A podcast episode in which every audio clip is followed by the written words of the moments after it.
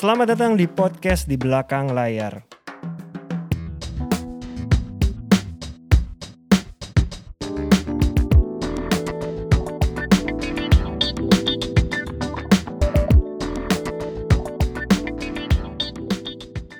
Yuk kita mulai ya.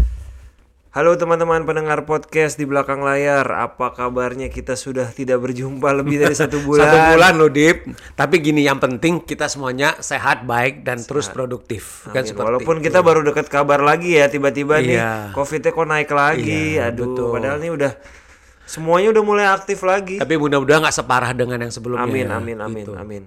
Mohon maaf karena kita lebih dari sebulan nggak nggak bikin Konten, episode baru iya. karena gue juga mempersiapkan film ngeri-ngeri sedap kemarin yang sudah tayang. Yang fenomenal. Terima kasih Mas Ulung juga. Iya kan? Sebenarnya Mas Ulung nggak sibuk-sibuk amat sih, gue yang sibuk.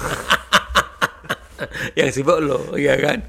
Iya. Kita sudah tapping di studio baru hari ini. Iya, akhirnya. Selamat ya Dip, ini Thank studio you. punya stu- studio punya Dipa lo ini. Thank you. Ya, karena sebulan terakhir gue baru ada kesibukan baru di film ngeri-ngeri sedap, jadi akhirnya baru kesampaian lagi hari ini kita bikin bisa taping dan sekaligus gua ngasih selamat sekali lagi ya kan bahwa film ngeri-ngeri sedap sudah meraih penonton di atas satu juta. Iya. Nah, buat gue itu selamat dan gue bangga dengan apa ya dengan achievement lu Hmm. karena ini bukan satu hal yang gampang. Bikin film dengan tema ini temanya kan agak khusus ya kamu tuh ya latar belakangnya kan Batak. Tapi ternyata film dengan genre seperti itu ternyata gak cuma diminati sama orang-orang Batak saja, tapi bisa dinikmati sama penonton yang lain yang bukan dari etnis Batak. Nah, menurut gue itu satu satu hal yang sangat menarik dan gue justru di sini ya kali di episode kali ini justru gue pengen teman-teman juga belajar juga sih. Itu bukan satu hal yang gampang gimana lu bisa meyakinkan investor ataupun eksekutif produser itu untuk terlibat di dalam film dengan genre seperti itu Deep. Nah, jadi kalau boleh hari ini lu bisa share mengenai journey-nya aja gitu iya. maksudnya seperti apa sih sampai akhirnya film itu bisa diproduksi dan diedarkan. Boleh. Memang sampai sampai hari ini gue juga nggak nggak pernah nyangka ya sampai bisa satu 1,1 juta bahkan bisa Per hari ini eh, per kemarin ya 1,1 ya. Iya, jadi gue belum belum belum tahu pastinya tapi yang jelas Iya. sudah di atas 1,1 juta gue. Ya siapa yang nyangka gitu kan PH perdana baru tahun 2021 PH-nya terbit. Kalau mau cerita jerninya di awal kan sebenarnya Imaginary itu udah ada dari tahun 2020. Tapi waktu 2020 Imaginary belum sebagai production house tapi masih gue nyebutnya scriptwriter inkubator. Jadi kita intinya pengen jadi inkubator para penulis baru buat dunia film sampai sekarang sebenarnya kita punya satu penulis dan satu sutradara di situ Sigit Exit sama Naya Anindita. Tapi waktu 2021 berjalan, ketemu sama Angga Sasongko, Angga menyampaikan bahwa dia punya sebuah brand baru namanya Visionary Capital yang intinya gimana caranya ada sines-sines yang punya ide film yang pengen bikin film tapi belum ada dananya dia akan bantu support. Ya kita ingat di manajemen kan Halkor tuh ada satu skrip yang dari udah lama jadi tapi belum diproduksi yaitu judulnya ngeri-ngeri sedap punya Benedion. Kenapa belum diproduksi di Ya sebenarnya waktu itu udah pernah kita tawarkan ke production house lain tapi memang lo tau sendiri namanya film Batak pasti kan ini kan segmented banget. Iya. Betul, betul, Takutnya eh, peminatnya banyak apa enggak apalagi ini more drama dibanding biasanya kita bikin komedi tapi ini lebih ke drama. Iya, iya. Akhirnya ya intinya production house belum belum pede lah Iya, gitu. iya, loh. iya. Mereka mau produksi tapi dengan skala budget terbatas, dengan kru yang mungkin tidak besar dan waktunya belum tahu waktu itu kapan. Tapi ketika ngobrol sama Angga, Angga yakin udah ini gue udah, udah baca skripnya, gue yakin, yuk produksi sama lu.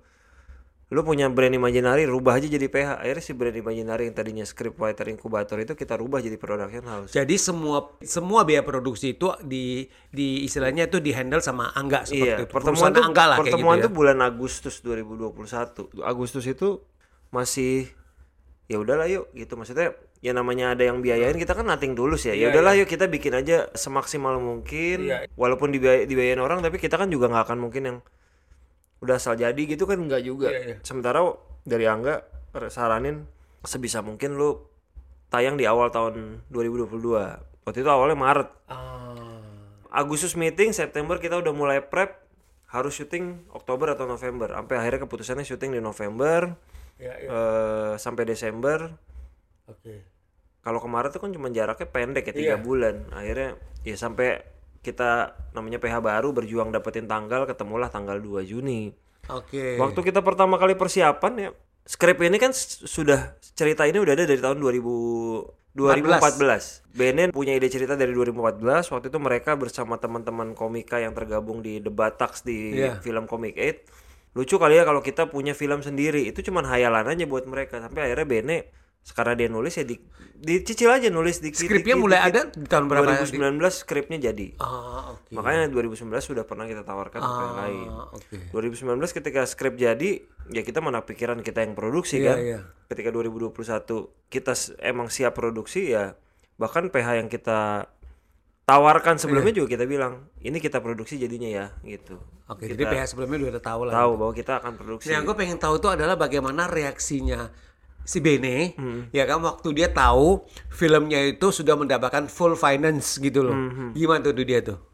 Ya dia happy tapi juga waktu itu sama lah kita nggak yang karena ini kan bisa dibilang project idealis kan. Iya, iya. nggak mikir ini adalah film box office, film Iya. yang bisa kita bilang film pop gitu Iya, ya. iya, iya, benar. Jadi kita pikir ya udahlah, ini adalah film yang dulu dicita-citakan Benny sebagai film pertamanya dia. Tapi nggak jadi. Waktu itu kan film pertamanya Ghostwriter. Oh, Iya, betul. Tapi kita pikir ya udah hmm, kita sebagai ya gue sebagai manajernya Benny juga kita sebagai founder Imaginary Iya. ya kita mendukung apa karya dia yang Betul. pasti dibuat dari hati gitu. Betul. Dan kita udah baca lama dari 2019 kan 2 tahun Iya, ya udahlah iya. Ben gue juga cukup yakin karena secara premis itu menurut kita unik gitu. Betul. Apa orang tua pura-pura cerai demi anak-anaknya pulang itu kan buat Iya. kita unik gitu. Ya udahlah. Disikat berikutnya adalah setelah produksi yang utama dipikirkan kan talent kan. Siapa ini yang mainin? gitu. Iya. Dari investor apa harapannya kan bintang-bintang besar kan yang di- dimasukin ke dalam itu. Kita coba. Jadi FYI ya, 6 nama ini, Tika Panggabean, Arswendi. Nasution, Boris Bokir, Gita Bebita, Indra Jegel, Silolok. 6 nama ini adalah 6 nama yang udah ada di kepala Bene dari awal. Kalau bisa nggak boleh diganti 6 namanya. Oke. Nah, eh sempat ada ini gak, gue nggak bilang kelas ya, Hmm. bukan pa- ini bukan kelas. Sempat ada beda pendapat dengan investor nggak? Maksudnya investor pengennya namanya ini, tapi Bene udah ada namanya juga. Itu sempat Hmm. ada ada ini nggak? Bene Bene terbuka. Ya udah kalau memang ada nama lain dicoba aja. Oke. Gue sih tanpa gue harus mention silakan dibayangkan aja penyanyi besar orang Batak ada yang kita Iya. coba Ya. artis eh, pe- aktor salah satu aktor yang besar juga sempat kita tanya juga ada laki dan perempuan tapi karena kita persiapan September syuting November itu kan jarak udah deket Iya, nggak- jadwalnya nggak masuk. nggak masuk jadwal nggak masuk mereka juga pada nggak bisa Kok bisa ya ternyata- enam orang itu berarti. kok ternyata memang ya semestanya mendukung ke enam nama Iya, itu semesta- iya, semesta mendukung jadi enam nama itu. sebenarnya bisa dibilang enam nama ini lo udah pernah diajak meeting sama Bene sebelumnya Ah, jadi 2019 tuh Bene menyampaikan mimpi yang nggak tahu produksinya kapan tapi ya mereka kan sesama sutradara pemain Iya. ngobrol aja gue tuh punya skrip ini kalau someday gue produksi kalian mau nggak sih Iya, ya iya, mau lah gitu jadi ketika 2021 Jadi eh, kayak udah gayung bersambut begitu 2021 kalian ketemu lagi itu cuman recall aja oh Iya. yang waktu itu jadi nih Iya. ayo gitu Itu setting days berapa hari, Dip? 16 hari Oke. Terus gini, Dip, yang gue pengen nanya itu adalah uh, buat lu sendiri gitu loh. Lu kan uh, mostly waktu lu kan banyak banyak banyak uh, tersita lah Iya. untuk kesibukan lu sebagai seorang manajer artis. Kemudian lu kan mendapatkan ini ada satu uh, kerjaan baru nih yang Iya. cukup menyita waktu, tenaga, energi, everything gitu ya sebagai produser. Iya kan? Lu bagaimana membagi itu? Jadi gue udah dari mungkin waktu waktu syuting masih secara bagi waktu tuh masih belum lah karena mungkin buat teman-teman yang tahu Imaginary itu kan dibangun sama gue dan Ernest. Iya. Tapi Ernest nggak bisa ikutan di sini karena masih ada pekerjaan sama Iya. Another Production Iya. House. Jadi gue turun tangan. Mostly Ernest, lu- Ernest malah lah. karena Heeh. Ernest meyakinkan gue udah lu aja jadi produser temenin Bene eh, dampingin dia sampai proyek ini jalan. Walaupun secara nggak langsung dia guru spiritual gue lah. Jadi Iya. kalau gue nanya apa-apa pasti ke dia gitu kan. Walaupun dia nggak ada di Iya. di proyek proyek ini. dia nggak involved day to day lah kayak iya gitu ya. betul. Jadi dia benar-benar kayak ngas apa ya konsultan pribadi gua Iya, iya. gini gini gini. Oh, iya, karena tapi kan beberapa hal juga dia kita nggak pernah jalanin jadi kita sama-sama belajar gitu. Ya udah. Ketika proses syuting terjadi dari persiapan sampai syuting itu Ernest lagi persiapan teka-teki tika tayang jadi benar-benar gua ya udah gua- sendiri. gua, ban- gua yang bisa gua bantu gua bantu. Yang Ernest bisa Iya. kasih saran kasih saran. Iya. yang gua harus putusin sendiri ya putusin sendiri. Pada saat itu sebenarnya gue belum terlalu involve yang karena secara produksi itu kan sutradara lebih involved Iya. gue juga nggak mau terlalu jauh Masuk lah, masuk ya. karena gue udah tahu bahwa yang mau Bene buat mau ini buat tugas gue adalah menjaga budget aman yang mau dimauin Bene aman yang dimauin investor juga aman Iya. dan gue menjaga orkestrasi semuanya berjalan lancar Yes, gitu aja sebagai produser. Iya. sampai hari terakhir syuting ya udah alhamdulillah lancar yang uniknya adalah bukan unik deg-degannya adalah kita syuting 14 hari harusnya 13 plus 1 satu tuh kontingensi tapi kontingensi sebelum syuting dimulai udah kita pakai. Oke. karena nggak nggak mungkin. 13 hari nggak bisa harus 14 Akhirnya? ya udah. Ya udah hari terakhir harus kita pakai. Alhamdulillah tidak ada kejadian. Adalah ke- di tengah-tengah kejadian selama syuting kan ada di tengah-tengah tuh ada Boris sempat sakit masuk rumah sakit. Terus ada cuaca ada hujan yang nggak berhenti tuh sempat ada juga. Hari terakhir kita tuh syuting di mana harusnya bukan harusnya syutingnya hanya terjadi siang hari dan nggak boleh hujan itu itu hari terakhir. Karena besok kita harus pulang tiketnya udah dibeli semua. Jadi kalau sampai itu ada apa-apa bahaya tuh kan. Ya alhamdulillah di hari terakhir kita dikasih cuaca yang panas banget. Ya udah kan mendingan panas Iya, banget ya. Daripada hujan. Mm, ya berjalan lancar sore kita udah selesai malam malam kita udah kembali ke jadi sih buat teman-teman yang udah nonton syuting di Bukit Holbung yang kita bisa sebutannya tuh bisa melihat Danau Toba secara 360 derajat. Itu syuting hari terakhir di sana. syuting hari terakhir. Syuting dengan tantangan yang luar biasa karena bukitnya benar-benar bukit. Kebayang teman-teman kru bawa alat Iya. sebesar besar itu. Iya. itu tuh empat jam dari Bali G kita kan syuting sebenarnya hampir semua di Bali G Iya, iya. gitu. Itu itu syuting selesai. Gue inget banget soalnya. Hari terakhir syuting besoknya adalah premier teka-teki tiga. Jadi selesai syuting besok gue langsung ke premier teka-teki tiga. Selesai teka-teki tiga masuklah ke post production. Eh, awal tahun lah awal tahun gue baru mulai editing Eh, eh, nemenin Bene Iya. pick lock gambar dulu dan lain-lain sampai masuk ke sound gambar dan lain-lain. Ernest sudah mulai masuk ke persiapan gara-gara warisan di situ. Dia produser di sana. Ya udah berarti gue udah mulai fokus lagi nih sendiri jadi berbagi tuh ada ada masa dia bisa bantuin gua ngasih saran ada masa dia juga harus fokus gara-gara gue juga tahu diri gitu Iya. Di- jadi kalau gue pengen nanya lu sebagai produser Hmm. kan, ini ada tiga fase kan, pre-production, production, sama post-production. sama promo sebenarnya Ya, sama promo empat. Nah, menurut lu di fase mana yang lu rasa paling berat eh, untuk lu sebagai seorang produser? Kalau gue fa- fase paling bukan paling berat kalau buat gue lebih ke fase paling baru Iya. gitu. Karena kalau gue waktu zaman pengalaman sama Ernest, Iya. pre-production gue ngikutin, Oke. gitu, nemenin dia lah. Iya. Production jelas, Ya, promotion jelas kita dulu karena selama film-film Ernest promotion tuh kita yang pegang. yes. Post production kita nggak pernah pegang karena biasanya dibantu sama production house. Waktu film Ernest sama Star ya sama mereka. Iya, iya. Ini kan kita pegang dari Iya. mulai mungkin yang yang biasa kita pegang sendiri adalah editing gitu Iya. kan.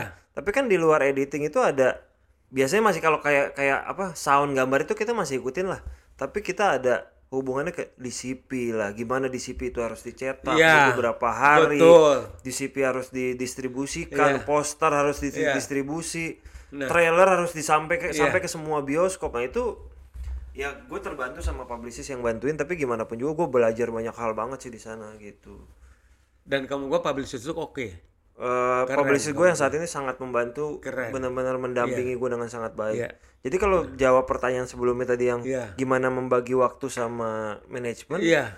ketika gue sudah mulai pospor gue udah udah meeting sama tim gue bilang bahwa gue akan agak sedikit sibuk tolong Di backup. eh, di backup kebetulan gue memang sebelum sebelum kebetulan awal 2002 lah kita merekrut beberapa karyawan yang memang gue udah siapkan supaya jangan semua gue pegang nih gue udah udah mulai melepas sebagian gitu karena kalau semua masih keputusan di gue kan agak berat juga gitu jadi udah kayak gue sekarang Hakor udah punya divisi YouTube sendiri jadi nggak nggak lagi ya paling masih approval masih di gue lah tapi paling nggak udah udah Day to day udah ada jalanin lah. iya gitu megang talent udah alhamdulillah sudah otomatis mereka mereka udah tahu Ya, Udah gimana cara ngambil semuanya. keputusan Udah remote lah. ya paling nggak yang berat-berat masih gue bantu Iya, iya, iya. tapi sih gue juga titip mereka gue thank you banget karena tim-tim gue ini bisa membackup gue selama gue sampai akhirnya tayang Dip, ini apa rasanya ya? Apa rasanya ber, eh, eh, apa produksi memproduksi satu film satu film, Hmm. kemudian film itu langsung jadi box office, jadi kuda hitam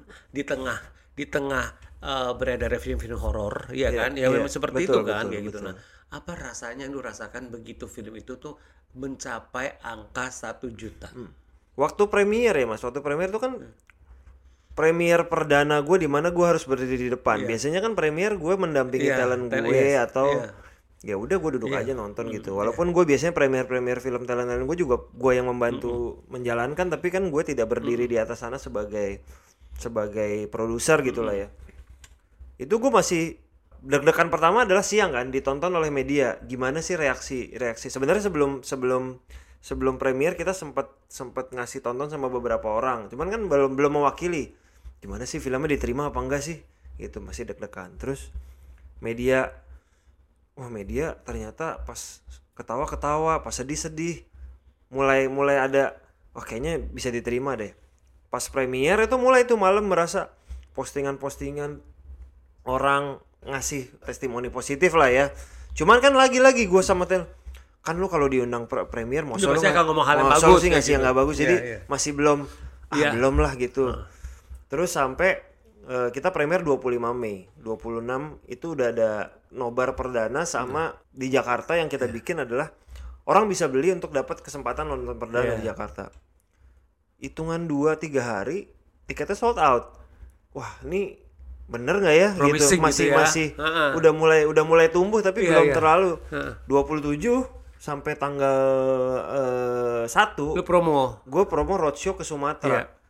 Semua tiketnya sold out dari mulai gue pertama ke Kisaran, Pematang Siantar, Medan, Kota gua tuh. Batam, nah kota lu tuh Pekanbaru, semuanya sold out. Bahkan kalau nggak salah di Pematang Siantar kita bikin dua show, dua-duanya sold out. Jadi itu mulai Tambah, tumbuh tuh, mulai tuh. tumbuh. Ha-ha.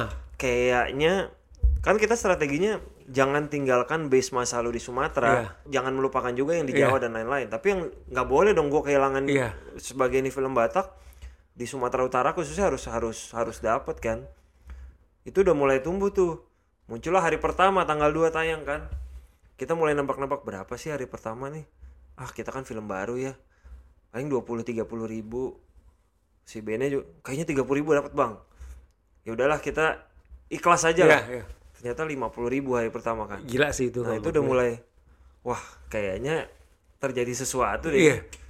Dan hampir dari hari pertama sampai hari ini nih kita tapping bisa dibilang hampir selalu tuh ada kenaikan di daily penonton. Terus kita udah mulai gila bisa diterima ya. Dan, Dan itu nggak cuma di Sumatera Utara kan? iya dan dan gua amazed aja mereka ternyata postingan-postingan kita mau ke bioskop lagi bawa opung bawa bawa orang tua gitu. Hmm. Wah membawa mereka ke bioskop lagi. Kebetulan kan gua kemarin tuh weekend kemarin tuh balik lagi ke Medan jadi buat teman-teman ya gue Jadi lu cuma fokus di Medan aja ya nggak ke kota lain ya? memang nggak lebih ke kita bukan roadshow lebih ke kepada mau kita mau bilangnya terima, Terima kasih, kasih. sama orang Iya, Medan karena gue sih nggak ngelebih-lebihkan silakan sen- lihat sendiri di Medan itu okupansi rate kita di atas 90% di bioskop jadi kita harus balik ke Medan untuk ngasih terima ngasih terima kasih ngucapin terima kasih buat walaupun mereka ada Jurassic Park, walaupun ada itu nggak kepengaruh ya. Ternyata tidak berpengaruh Iya, makanya gitu. itu loh maksud gue. Jadi mereka tetap dikasih layar mas. Iya. Jika jadi eh, setelahnya biasa lah bioskop tuh kayak harus adil dulu. Tapi Iya. kalau memang film kita perform dikasih, Dikasih juga, lagi, ya, benar. lagi gitu. Jadi makanya gue ketika balik ke Medan terus hari Minggu malam keputusannya bahwa kita resmi mendapatkan satu juta tuh kita. Jadi gue tuh kejadian satu juta itu kita lagi ada sebuah warung warung kopi ya, warung mie instan gitu. Di mana di Medan Di itu? Medan, Oh, oke. di Medan. Selesai Udah- promo. udah selesai, Selesai promo. promo. Kita tuh mau balik ke hotel. Iya. Gue tuh tadinya udah bilang gue balik ke hotel, gue capek banget. Terus yang lain bilang makan dulu lah mas ikut. Ya udahlah, gue temenin yuk gitu. Gue temenin ikut. Rame, bukan cuman kita doang, ada orang-orang. Dan sebagian orang-orang itu adalah orang-orang yang habis ikut nobar. Iya, iya. Pada saat kita rayakan di situ, ya orang-orang ikut ngevideo. Yang ngasih tahu lu satu juta itu di siapa ngasih tahu lu? tim publicist ngasih tahu jumlah reka penonton. Iya, iya, gue iya. nunggu kan jam setengah sepuluh gitu. Udah ada belum? Gue udah gue udah gue udah kira-kira kalau sekian ini puluh ribu masuk kita sejuta. Ternyata lewat dari angka Iya. itu satu juta. Ya udah gue rayakan di situ yang Ya Itu mes aja di tengah-tengah saling peluk-pelukan, hilang tuh. saling peluk-pelukan nggak gue nggak nggak nggak apa ya nggak biasa aja gitu jadi ngerasa gila ya ini gitu. Nggak sampai bisa di titik ini ternyata ya ya bahagia banget lah gitu rasanya. Hmm, gitu. Dan dan dan talent talent juga ngerasain. Gue gue ngerasain dari teman-teman Medan yang posting pun tulusnya juga ada Iya, gitu. Iya. kok gue sehappy ini gitu bukan. Jadi menurut gue ya, eh, film ngeri-ngeri sedap itu udah jadi film kebangsaan suku Batak. Kalau menurut gue. iya iya iya. Iya kan, itu satu hal yang karena kamu gue mungkin selama ini belum ada ya gitu Hmm, loh. Maksud gue film yang begitu apa ya, yang begitu gamblang gitu loh menyoroti budaya, Hmm, Iya. adat istiadat, ya kan, kemudian ya kan eh, eh, suku Batak dan di film itu kan sangat jelas. Gue udah nonton, gue nonton di Deep. Jadi maksudnya kenapa gue bisa cerita karena gue ngerasa hal seperti itu. Jadi itu menimbulkan sebuah kebanggaan yang besar untuk eh, orang-orang Batak gitu loh. Dan gue kan juga memang lahir dan besar di Pematang Siantar. Iya. Jadi gue sangat amat relate gitu loh sama film seperti itu. Iya.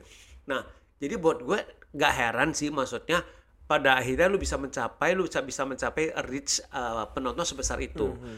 Jadi kalau menurut gue kalau yang bisa apa ya, yang yang yang bisa kalau misalkan mungkin nanti lu bisa cerita Iya. juga ya. Berarti memang kalau menurut gue ini adalah strategi yang lu sama tim publicist lu lakukan itu benar.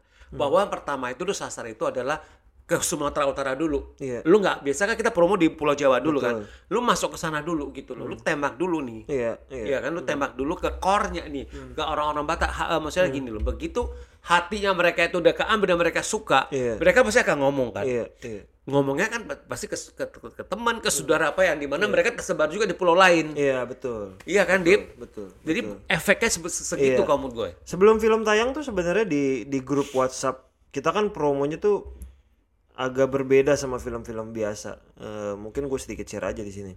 Promo ke WhatsApp WhatsApp. Yang pertama gue lakukan sebelum sebelum sebelum ke WhatsApp WhatsApp adalah gue menempelkan poster film di dua tempat yang di luar kebiasaan, yaitu di gereja HKBP dan di Lapo. Di gereja boleh dikasih, dikasih izin untuk tempel. Sekolah eh, gereja yang memberikan izin dikasih, kalau yang nggak boleh ya gue nggak maksa. Semua gereja lu tempelin. Gereja HKBP terutama, karena kan di film memang ada gereja Iya. HKBP. Gue pasang di Seluruh gereja HKBP. Seluruh Indonesia. Oke. Lapo juga seluruh Indonesia yang yang memberikan izin gue tempel.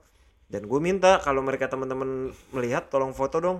Dan memang sampai film tayang terpasang dia nggak dicopot sama mereka gitu. Karena jadi jadi kebanggaan bersama ternyata gitu. Bukan gue kan awal mikir pasti buat orang kan kayak gue beriklan. Tapi buat mereka ternyata nggak semuanya menganggap ini iklan. Malah karena jadi kebanggaan Iya, buat ini mereka. kebanggaan buat mereka terpasang film posternya di sana. Karena bahkan gue gua custom bahasanya pun bahasa Batak yang gue taruh di lapo gitu. Jadi yang apa eh, itunya pakai bahasa Batak. Iya gitu. Terus di grup-grup WhatsApp keluarga Batak itu udah mulai terjadi. Karena yang gue lakukan adalah gue tuh nggak perlu YouTube eh, trailer YouTube trailer yang menayangkan ngeri ngeri sedap itu ditonton sampai puluhan juta gue nggak perlu.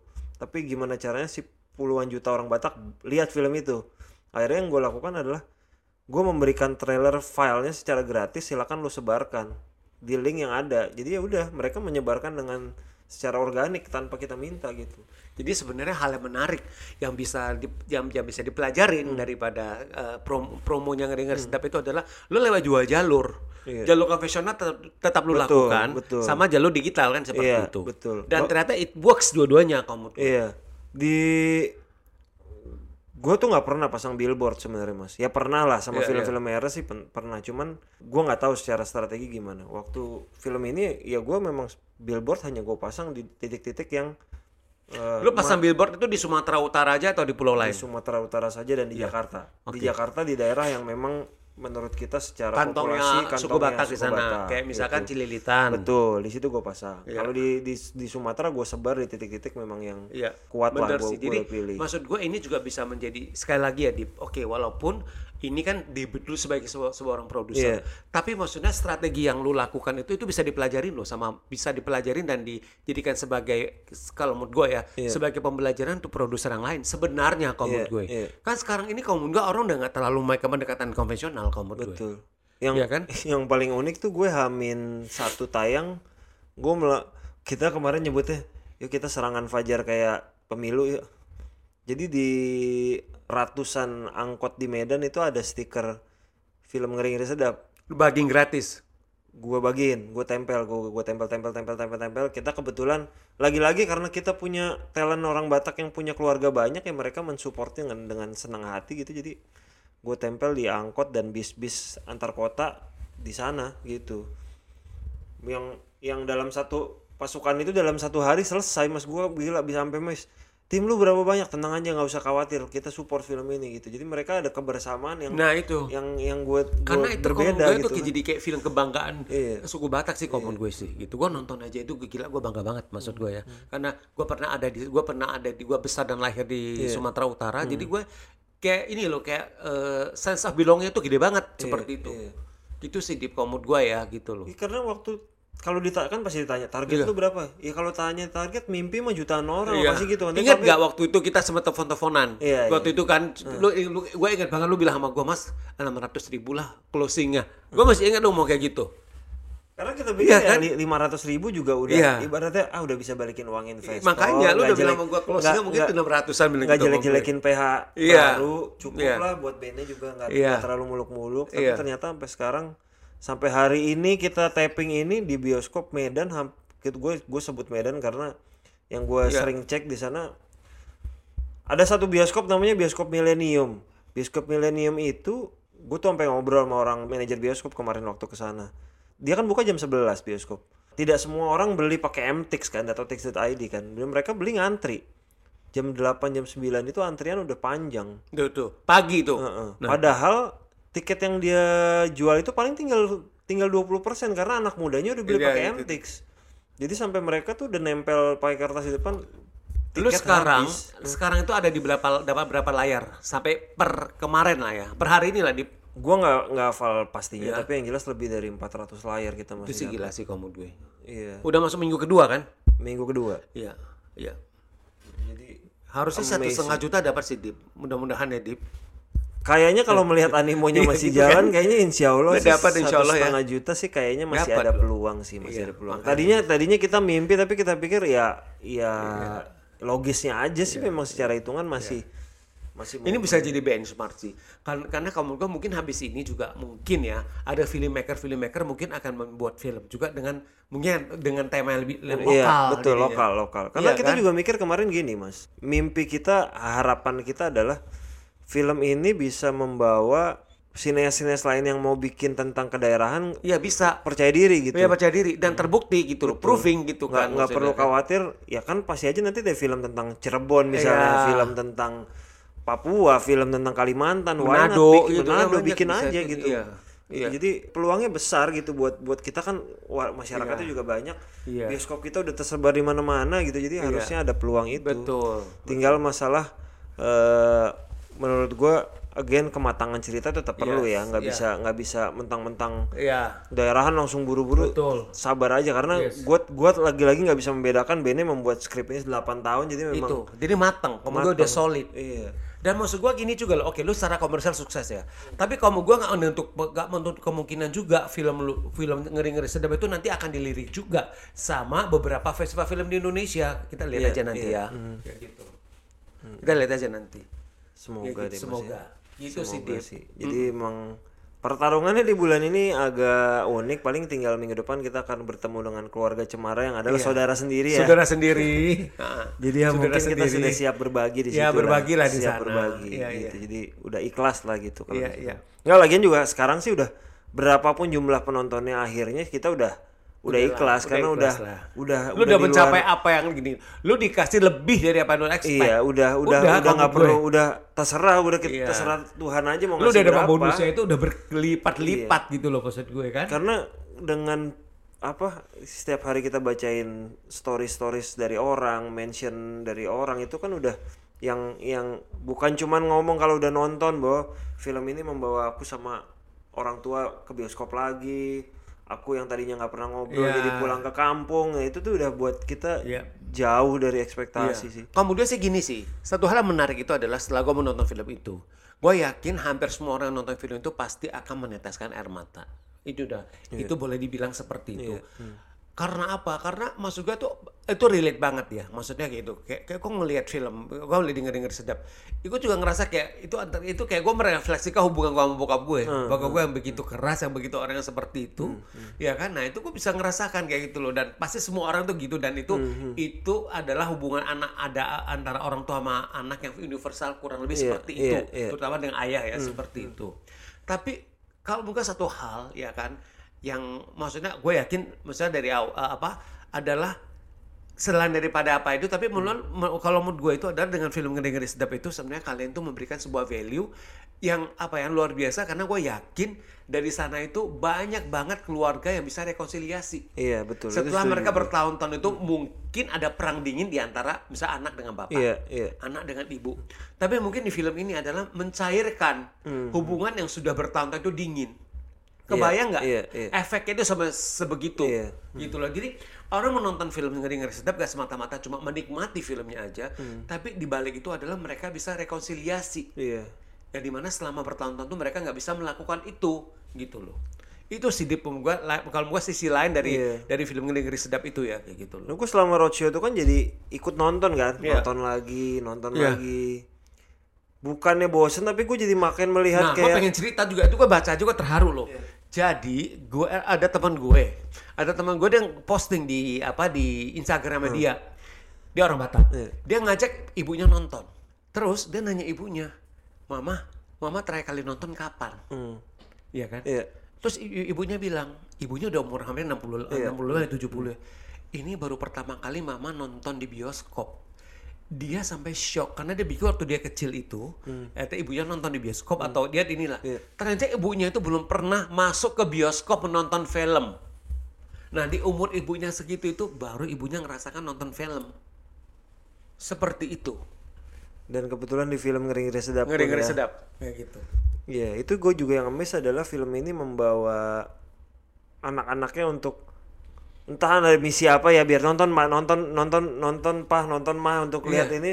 Tapi memang memang yang gue lihat adalah rata-rata mereka yang nonton dua kali, yang pertama sendiri, yang kedua bawa orang Iya, tuanya. iya. Gitu.